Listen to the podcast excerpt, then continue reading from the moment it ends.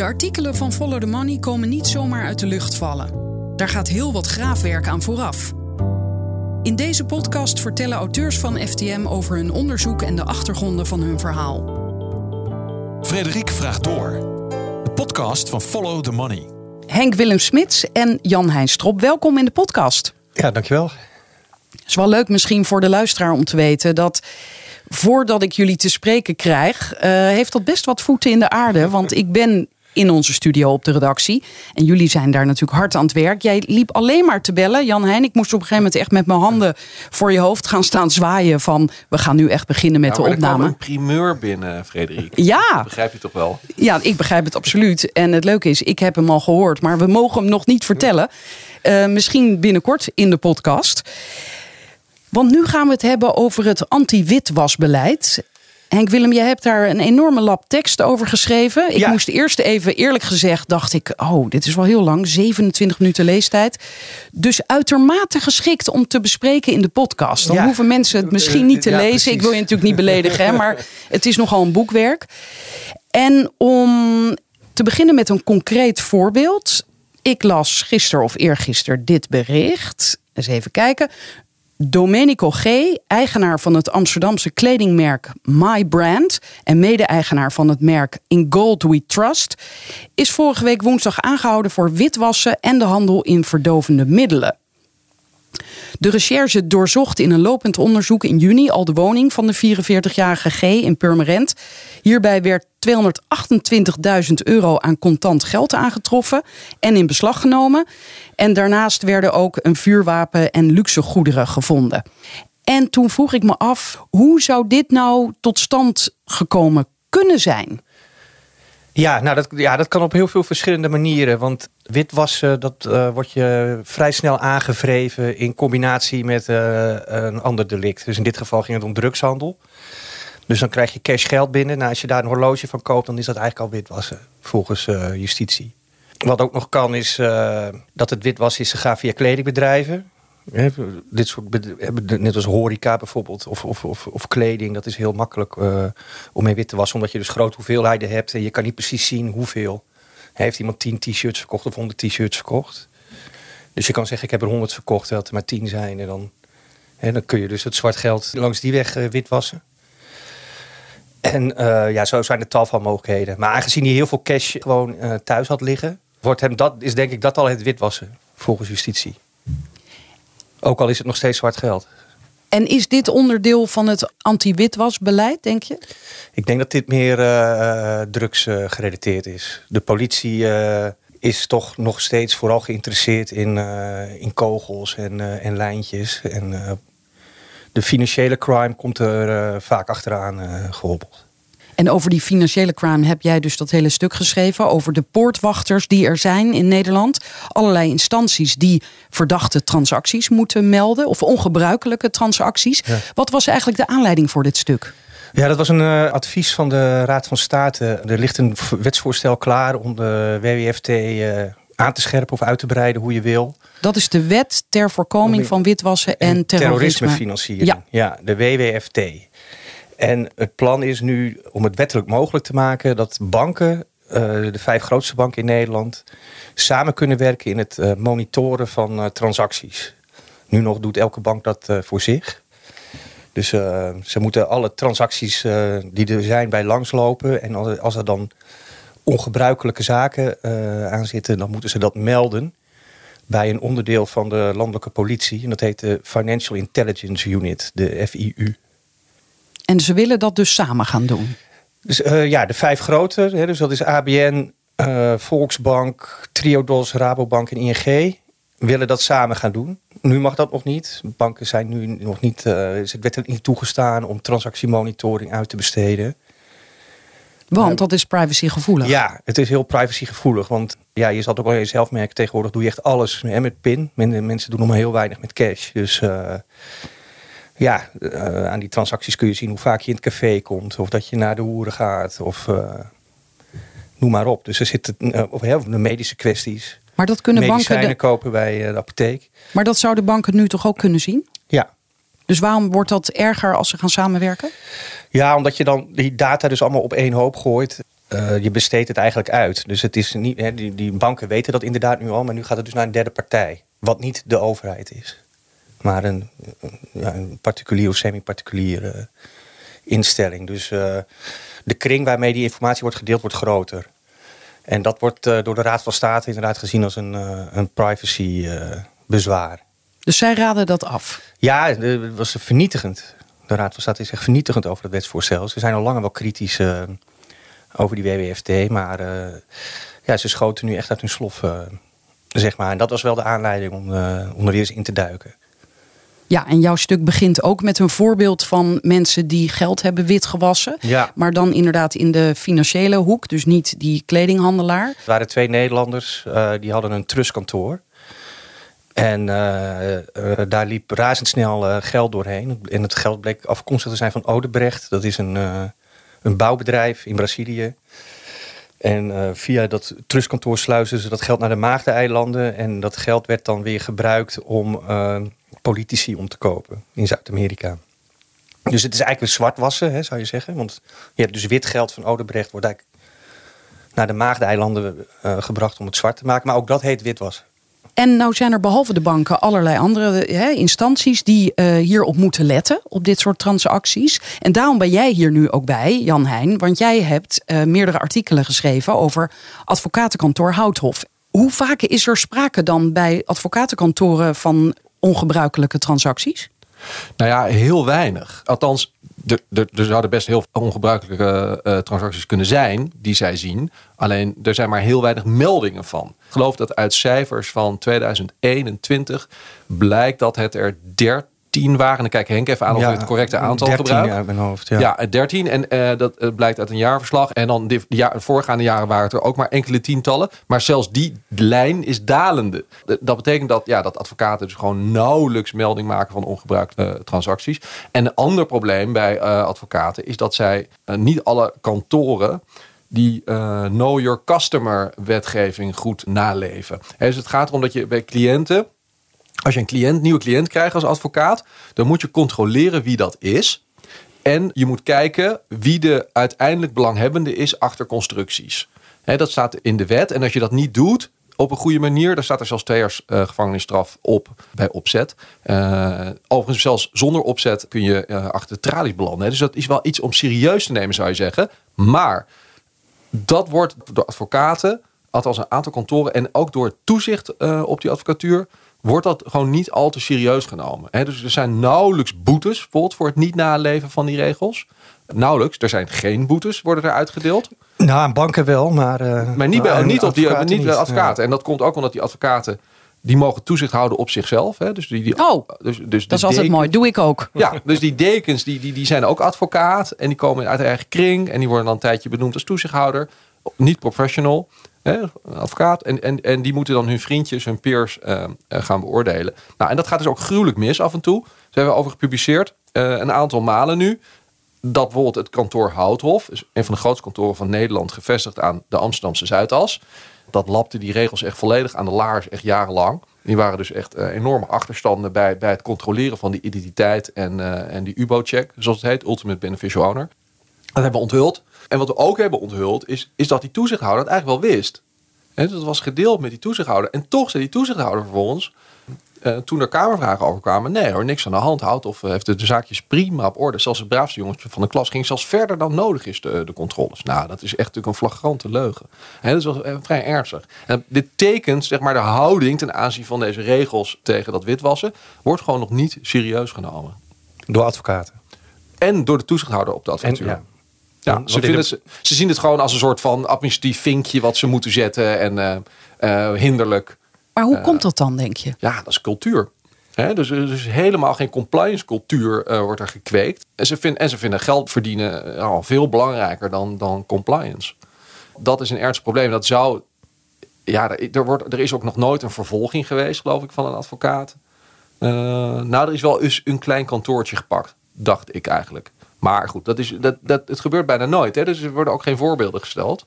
Het zou natuurlijk goed zijn. Bankiers er zijn wel degelijk hele beroemde vervolgingen nu. Ja, hè, ja laten we voordat we daar komen. Maar even dus, want de advocaten zijn dus maar één onderdeeltje van die, die wet. En eh, alle zaken die erbij horen. Want er zijn, laten we even alle poortwachters opnoemen, notarissen, Ja, banken, eh, verzekeraars, vermogensbeheerders, trustkantoren. trustkantoren, Zelfs makelaars geloof makelaars, eh, juweliers. Als je dure audioapparatuur verkoopt ook, hè, verkoop van dure goederen, veilinghuizen, kunsthandelaren, Dus als ik bij een, eh, een audiowinkel eh, een installatie van 10.000 euro koop, dan 10.000, wordt dat 20.000 euro, dan wordt daar melding van gemaakt. Dat is een ongebruikelijke transactie. Ja, misschien wel leuk om te melden in dit verband is. Wij hadden over 13 eh, meldingen uit de advocatuur. En er waren uit vanaf vanuit de accountants waren er 2500 vorig Ja, jaar. En, en vanuit va- de bankiers vanuit de- 250.000. Ja, kwart miljoen. En de grootste leverancier van meldingen tegenwoordig is de crypto-sector. Die hadden 300.000 meldingen gedaan. En die meldingen komen allemaal bij die unit van de politie Ja, binnen. Bij de Financial Intelligence Unit van de landelijke politie. Maar nou hoor je wel vaker dat de politie graag meer mensen zou willen. Ja. Hebben ze hier wel mensen genoeg nee, voor? Nee, er werken iets van 80 mensen. 80. Ja. En die moeten al die, Die meldingen. moeten eh, bij elkaar opgeteld 1,2 miljoen meldingen eh, bij langs. Dat gebeurt natuurlijk wel deels elektronisch. Ja, dat mag ik wel hopen, ja. Dat, eh, maar eh, daar wordt eh, zeker vanuit de bankensector en ook vanuit de cryptosector, hè, waar die heel veel meldingen doen, wordt daar wel over geklaagd dat het hun niet helemaal duidelijk is waarom ze nou zoveel tijd en geld en menskracht moeten investeren daarin, terwijl ze niet echt zien wat eruit komt. En straks, stel dat het inderdaad wordt toegestaan dat banken hierin gaan samenwerken, zouden er dan nog meer meldingen komen, denk je? Eh, nou, die, die samenwerking is dan vooral gericht op eh, de transactiemonitoring. Dus de, de, de WWFT bestaat eigenlijk uit twee delen. Jan Heijn noemde al de KYC, Know Your Customer. Dus als iemand zich meldt bij een bank voor een nieuwe bankrekening... of bij een advocaat als nieuwe klant... of bij een notaris eh, omdat hij een, een huis wil overdragen... dan moet die poortwachter een Know Your Customer onderzoek doen. Dat noemen ze een Customer Due Diligence. Dus je moet kijken van klopt zijn eh, legitimatiebewijs. Maar ze kijken bijvoorbeeld ook eh, met Google van is, is, is die persoon slecht in het nieuws geweest? Hè, of blijkt uit eh, meldingen op Facebook of Twitter dat mensen het een oplichter vinden. Dat, daar wordt ook naar gekeken. Een oplichter vinden, los van of die het ook is. Ja, je moet eh, bij die, die, die KYC, die is eh, vrij streng. Dus eh, sommige sectoren worden al volledig band, zeg maar. Daar hoef je niet meer aan te komen. Dus als je nu met een trustkantoor begint of nu met een cryptohandel, dan is het heel lastig om een bankrekening te krijgen. Banken hebben daar gewoon geen zin in. Ehm, Want heel even tussendoor voor het beeld. Jij schrijft ook dat er bij de Rabobank werken, geloof ik, bijna 5000 mensen op deze Ja. afdeling. 5000. En Ja. bij ABN 3800. Dus dat zoiets, zijn ja. enorme getallen. Bij ING ook iets van eh 4.000, 5.000, ja. Dat kost ook een hoop geld. Ja, dat kost honderden miljoenen per jaar. Maar dan begrijp ik iets beter dat banken sommige klanten er liever niet hebben. Nee, want het is, ja, je, je, je verdient er niet aan. Maar kunnen ze die zomaar weigeren? Eh, je kan wel weigeren als het nieuwe klanten betreft. Maar er zijn eh, op een bepaald moment ING en, eh, en dat kwam eigenlijk door die, door die kwestie waar we het al even over hadden met die Brazilianen. Dat liep dus via een trustkantoor. Nou, trustkantoren, dat is een zeer witwasgevoelige branche. Dus ABN en ING hebben toen gezegd, nou we stoppen gewoon met alle trustkantoren. We hebben geen zin meer in. Die zetten we er allemaal uit. Dat hebben ze ook echt gedaan. Dat hebben ze gedaan, maar een paar van die trustkantoren zijn naar de rechter gestapt. En die hebben daar gezegd, ja, wij kunnen, eh, als, we hier geen bank, als we onze bankrekening hier niet mogen houden, kunnen we ook geen nieuwe krijgen, want andere banken nemen ons niet aan. En dan zegt de rechter, je moet het bij twee andere banken proberen. Als die je allebei weigeren, dan moet je oorspronkelijke bank moet je houden. En zo is het ook gegaan. En dat, zo gaat dat, ja. Ja, dat is heel apart dat omdat het controlesysteem niet zo goed werkt, zijn ja zijn ze mensen en bedrijven de dupe eigenlijk. Ja, ja, ze zijn heel veel mensen liever kwijt dan rijk. En dat gaat zelfs zo ver als bijvoorbeeld goede doelen. Zeker als die zich richten op Noord-Afrika of het Midden-Oosten. Die zijn al vaak niet meer welkom. En beleggingsfondsen bijvoorbeeld. Daar hebben ze ook al moeite mee. Want beleggingsfondsen beleggen dus in verschillende bedrijven. En al die partners van zo'n beleggingsfonds. Daar heb je dus ook weer know your partner eh, eh, voor nodig. Dus ja, dan moet zo'n bank er maar weer op vertrouwen dat zo'n beleggingsfonds zijn, eh, zijn know your customer voor elkaar heeft. Maar dat is natuurlijk ook maar eh, de vraag. Dus die, dus die zijn in veel gevallen ook al niet meer welkom. En deze wetgeving, is die vergelijkbaar met wetgeving in andere landen? Nou, in, in- Nederland is een belangrijk verschil dat er wordt gekeken naar ongebruikelijke transacties, dat die gemeld moeten worden. Dat doen ze maar in een paar landen. Ik geloof Tsjechië en, en Israël. En daar houden we zo'n beetje op. De meeste andere toezichthouders die verzoeken om verdachte transacties. Dus die krijgen minder meldingen binnen Dan dan. krijg je minder meldingen. Want, Want- ongebruikelijk is elke. eh, eh, zodra er meer dan 10.000 euro eh, over tafel gaat, is dat ongebruikelijk. Maar het kan bijvoorbeeld ook zo zijn dat als ik drie keer eh, achter elkaar op mijn rekening 1000 euro krijg gestort. Hè, dus een, eenzelfde bedrag, klein bedrag, maar in een soort sequentie. Zoals je salaris van Follow the Money. Ja, nou ja, ze weten dus dat salaris is niet zo hoog. Dus als er dan in één keer eh, drie keer 1000 euro achter elkaar extra komt, dan is er iets aan de hand. Die hè? bonus die jij krijgt. en, en waarom hebben... Van de trustsector, toch? Ja, ja, ja, ja, was het maar zo'n feest. Ja, ehm, nu ben ik even mijn vraag kwijt. ik zag het voor me dat jij betaald zou worden door de trustsector. Zou je betaald willen worden door de trustsector? Nee, nee, nee. Waarom hebben wij dan in Nederland het begrip veel breder? Want dat zorgt voor. eh, Heel ja, veel extra werk. Ja. Ja. dat, dat is begin jaren negentig zo besloten. Toen werd eigenlijk overal in de wereld werd, eh, anti-witwasregels geïntroduceerd. Onder druk van de Amerikanen ook vooral. Die wilden dat. Die kregen steeds meer te maken met eh druglords, met zwart geld en dergelijke. En, en corrupte politici. Daar wilden ze wat aan doen. Dus die hebben eigenlijk dat een beetje opgedrongen. En in Nederland is toen gekozen voor ongebruikelijk. En dat is wel logisch. Want dan zou dus de, de FIU bepalen wat wel of niet verdacht is. dat is die instantie waar de klachten binnenkomen. of de klachten. De... Ja, die komen dus binnen bij de politie. En de politie kijkt dan of iets verdacht is of niet. En dat vonden ze logischer dan dat een bank of een andere poortwachter zelf moet gaan bepalen wat verdacht is. Want dan krijgt zo'n poortwachter dus een soort opsporingsfunctie. En dat werd toen eh, niet opportun eh, geacht. Maar dan willen wij in Nederland dus weer slimmer zijn dan de andere landen. Want jij zegt het is best logisch. Het komt op, op mij ook best Ja, logisch over. Er Maar valt wel wat voor te zeggen, ja. ja, eh, maar ja, als je dan ziet dat het dus veel meer werk Ja, het oplevert. is, het is geen pragmatische... eh, het is niet voor de meest pragmatische oplossing gekozen. Dat, eh, dat kun je wel zeggen, ja. Is dit dan weer zo'n voorbeeld van het slimste jongetje van de klas willen zijn? Nou, dat weet Of juist ik het niet. domste jongetje? Dat is even de vraag hier. Ja, het, is heel principieel, maar ja, ik weet niet precies hoe dat. eh, er is ook heel weinig over bekend hoor, over die geschiedenis. Van, eh, ik, want ik heb, we hebben, eh, mijn collega Hugo, die mee heeft geschreven aan dit verhaal, en ik, we hebben tiental mensen gebeld. En er was eigenlijk niemand die wist waar, waar dat ongebruikelijk vandaan kwam. Nou, precies. Dat hebben Oh. we dus echt lang naar. Dus zou je net zien dat één iemand dat We hebben- bedacht heeft? Ja, we hebben diep gegraven eh, op internet. En uiteindelijk vonden we een scriptie van iemand waarin weer een verwijzing stond naar een artikel van een eh, voormalige toezichthouder. En daar stond dit verhaal in. Ja, maar er is één keer een ambtenaar die, die in zo'n wetsvoorstel ooit een keer zoiets Nou ja, dan opneemt. waarschijnlijk is er in een advies ja, gezegd van. Lost Ja, in translation en daar, daar ben je. ja, Maar zijn er, niet, zijn er geen poortwachters die al hebben gezegd... jongens, laten we dit aanpassen? Ja. Dit is gekke werk. allemaal. oh, allemaal? Allemaal. Er is geen poortwachter eh, die tevreden is over dit systeem. Ik heb er geen één gesproken. Maar er wordt niet naar ze geluisterd. Nee, niet echt. Nee. Nee, er wordt, eh, eh, dat zegt de Raad van State ook. eh, van het is helemaal niet duidelijk wat dit. eh, het kost heel veel. Het is niet duidelijk wat het oplevert. Nou, het is toch duidelijk dat het weinig oplevert.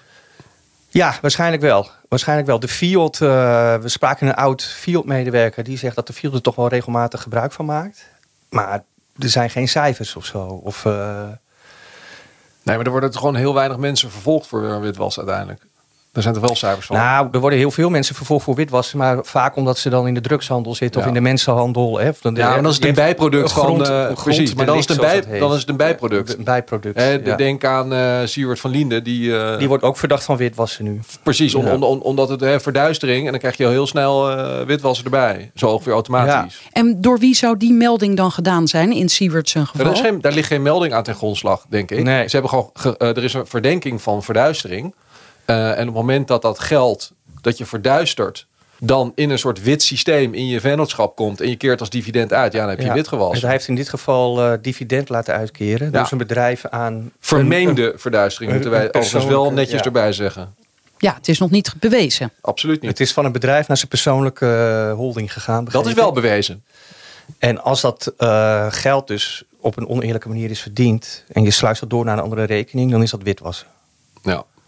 Je moet onderscheid maken tussen, tussen zaken die gebaseerd zijn op die ongebruikelijke transactie en, ehm, en, eh, En dit soort ja, witwassen precies, zoals waar witwas een bijproduct Ja. in feite Ja. is van het opsporingsonderzoek.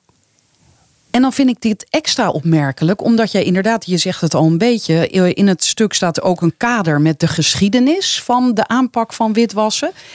Dat is inderdaad opgelegd vanuit Amerika. Toen dacht ik, oh, dus vroeger of hiervoor vonden wij als Nederland dit niet zo belangrijk. Toen kwam Amerika dit opleggen. Ja. En nu zijn wij daarin doorgeslagen, mogelijk? In de, de, het systeem wat we hebben Nou, opgetuigd, bedoel ik. Ja, het systeem functioneert dus niet zo goed. Al dus eh, bijna alle betrokkenen. Ja, of het doorgeslagen is, ja. Het zou, het zou wel efficiënter eh, kunnen waarschijnlijk door, door inderdaad wel op dat verdacht eh, te gaan zitten. Op zich is het natuurlijk ook weer geen slechte zaak dat banken en advocaten en andere poortwachters een beetje letten op dat witwassen. Want het was wel een heel groot probleem. We hadden de Amerikanen wel gelijk in. Maar vroeger vonden wij dit niet zo belangrijk. Nee, maar dit soort dingen komen altijd uit de VS. Dat heb je ook met eh, antikartelwetgeving bijvoorbeeld. Dat is allemaal, dat, dit komt altijd uit de VS. Dit Maar, soort, maar hoe eh, kan dat dan? Want ja, hoe zat dat dan voorheen? Nou ja, de, VS is, het, is de grootste economie ter wereld. De belangrijkste economie ter wereld. Dus eh, dat is ook voor Nederland heel belangrijk. Alle Nederlandse banken zijn actief in de VS. Dus je, als je daar, ja, dus je kan je maar beter compliant maken aan die Amerikaanse wetgeving. Want dat, scheelt gewoon Ja, eh, UK, hoop boetes. eh, Eh, Groot-Brittannië loopt ook voor eh, ten aanzien van KYC en dat soort zaken op Nederland. ja. Hoe zal dat dan straks gaan als Amerika niet meer de grootste economie is, maar China? Nou, daar zijn we veel minder natuurlijk mee verbonden met Ja. dat eh, financiële systeem. Ik denk niet dat de VS snel uit beeld raakt hoor. Nee. Nee joh, de, de wereldeconomie wordt volledig geregeerd door het Amerikaans financieel systeem, Westers financieel systeem. Dus eh, wat dat betreft, eh, dat, voordat de Chinezen dat overnemen, dan zijn we nog wel even. 100 jaar verder, denk ik. Ja. Oké, maar de Raad van State heeft dus eh, een kritische uitspraak gedaan over die eventuele samenwerking van de banken. Dus dat gaat voorlopig niet gebeuren. Kabbelt dit dan, kabbelt, maar gaat dit dan gewoon zo door zoals het nu loopt? Met te weinig mankracht, eh, heel veel meldingen en weinig boetes, dus weinig Ja. Handhaving. resultaat. Weinig handhaving. Nou ja, daar lijkt het wel op. Eh, De, VU, eh, de FIU die breidt dit jaar uit naar 92 mensen. Dus, het is nou, hè, dus dat houdt geen, geen, geen pas zeg maar, met hoe snel het groeit bij de banken. Hè, waar het met, met vijf- 1000 à 1500 mensen per jaar groeit. De laatste twee, drie jaar. Dus dat is wel een heel ander tempo inderdaad. Ja.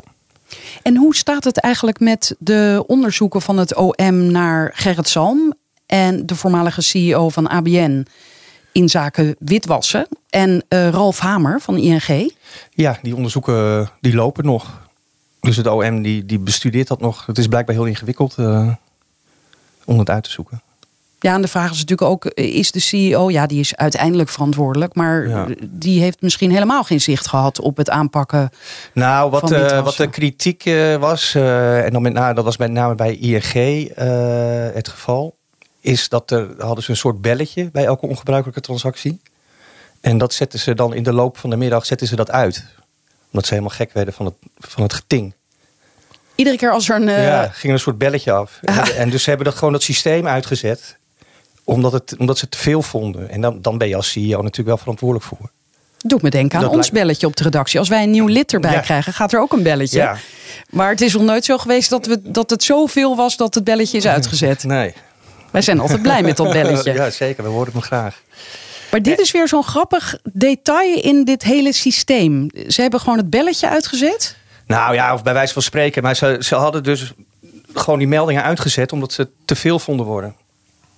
Dus als je dan smiddags eh 10.000 euro overmaakte, dan had de ING dat niet in de gaten. Kijk, en dan, dan en ja, de, de, de wet is nou eenmaal dat je elke ongebruikelijke transactie moet melden. Dus als je dat niet doet, dan ben je eh, strafbaar. Nou, en dit heeft de ING uiteindelijk meer dan 700 miljoen euro eh, gekost in een schikking. Het is niet voorgekomen. Het is geschikt, de zaak. Ja, dus zij hebben wel boetes gekregen in tegenstelling tot Ja, advocatenkantoren. nee, de bankiers die, eh, die staan natuurlijk. Die zijn echt eh, duidelijk een, een target eh, eh, geweest. Nu denk ik ook dat bankiers wel het belangrijkste zijn. Althans belangrijker dan advocaten. Hè, als het gaat om ongebruikte transacties. Want ze hebben er gewoon veel meer zicht op. En, en, ja, advocaten veel mindere mate. Notarissen bijvoorbeeld denk, hebben ook denk ik een, wat dat betreft trouwens van witwas een wat belangrijkere rol dan, dan advocaten. Ja, omdat ze natuurlijk in de veel met vastgoed te maken hebben. En, en vastgoed is een criminogene business. Ja, precies. Nee, dat valt ook onder, de, onder die regels waar de horeca uh, ook onder valt. De wet Bibop. Ja. Wat, wat advocaten in Nederland dan wel doen, en ook fiscalisten, is ook heel veel constructies opzetten om hier eh, eh, belasting te ontwijken. Eh, dat doen ze ook namens heel dubieuze figuren. Ja, dat, daar, daar, daar, daar zijn natuurlijk zeker transacties die voor justitie en voor de aanpak van witwassen van belang zijn. Hè, die bij advocaten langskomen. Dat, is, dat moet wel gezegd worden, denk ik. Nou ja, wat natuurlijk nog bij advocaten speelt, zeker als ze in het strafrecht uh, betrokken zijn, is dat heel veel cliënten crimineel zijn. Dus dan komt het geld uit een, uit een zwarte bron. Als het geen aanwijzing uh, Je bedoelt oh, hoe die advocaten dan betaald worden vervolgens, ja. ja. Ja, ik kan me herinneren uit het boek, uh, ik heb een boek gelezen over Hiddema toen dat uitkwam, het eerste boek. En dan vertelt hij dat ook, dat hij gewoon stapeltjes cash op de tafel liggen. Van, ja, bloed, van, bloed, bloedgeld. van een van de ecstasy-boer uit Limburg waarschijnlijk, ja. ja. Hey, en in het uh, intro van het artikel uh, schrijf je: um, iedereen is ontevreden. Nou, dat heb je net ook uh, verteld. Behalve de overheid. Ja, die gaat gewoon op dezelfde weg door, blijkbaar. Ja. Maar hoe kan dat? Zijn er, heb je ook echt mensen bij de overheid gesproken die zeggen: ja, beter dan dit gaat het niet worden? Ja, die zijn er, die zijn er wel inderdaad. Zoals ik al zei, een oud Fiat man bijvoorbeeld, die die inderdaad zei, ja, dit, dit is toch wel nuttig voor ons. Die, ja, je hebt natuurlijk een enorme bak met informatie. Ik geloof dat het vijf jaar bewaard blijft, zoiets, al die transacties. Dus het is natuurlijk wel heel handig om in te grasduinen als je al iets op het spoor bent. En iemand die ook wel een voorstander was, ook van dat uh, transactie, uh, dat, dat overkoepelende orgaan van die vijf banken. Brigitte Unger, een wetenschapper in witwassen gespecialiseerd van de Universiteit Utrecht, die zegt ook wel, ja, dit is toch wel de beste manier om het te doen. Zeker omdat grote witwassers werken internationaal. Hè, dus je moet kijken van hoe dat geld het land uitstroomt. En dat doen, ze, en dat doen grote oplichters of, of, of, of, witwassers doen dat vaak wel via verschillende banken. Dus als ze bijvoorbeeld en van ABN en van ING steeds 5000 euro naar Deutsche Bank gaat bijvoorbeeld. Hè, smurfen heet dat. Hè. Dus je, smurfen? Je, smurfen, ja. Je knipt grote bedragen op in kleine. ja, dat, dat kun je dan wel zien met zo'n transactiemonitoring uh, systeem. Dus de, dat kan een voordeel zijn van, de, van die samenwerking, is dat je dan eindelijk zicht krijgt op, op dat soort processen. En dat uh, kunnen individuele banken kunnen dat nu niet. Dus die zien, uh, die zien misschien uh, 5000 euro verdwijnen, maar weten niet vervolgens wat, wat er daar nog mee gebeurt zij, zij wijft die privacybezwaren dus ook een beetje weg. Want ze zeggen, ja, mensen die alleen maar in Nederland zitten, die hebben al amper privacy. Je bent eigenlijk alleen maar privacy aan het beschermen van geld dat naar het buitenland gaat. Maar het nadeel daarvan is weer, uh, zeker omdat je wel die transactiemonitoring, die, die zal natuurlijk he, met algoritmes gaan en helemaal geautomatiseerd. Dus uh, de verwachting is wel dat het discriminatie, wat, al heel veel voorkomt in het huidige systeem, zeker als je iets doet met goede doelen en je bent islamiet en je stuurt geld naar Libanon bijvoorbeeld. Nou, dan ben je al heel gauw verdacht. En dat wordt natuurlijk alleen maar erger. Ja, ik werd een tijd geleden benaderd door een Nederlander die in Noorwegen woont. En die maakte geld over voor het cadeautje voor zijn zwager. En die is islamiet, inderdaad. En maar dat was echt 15 euro. En toen kreeg hij een telefoontje van zijn bank. Ja, ja dan, dan, dan zijn er dus bepaalde.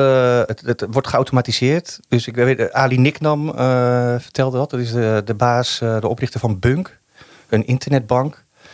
Die checkt elke transactie, wordt op 528 punten gecheckt.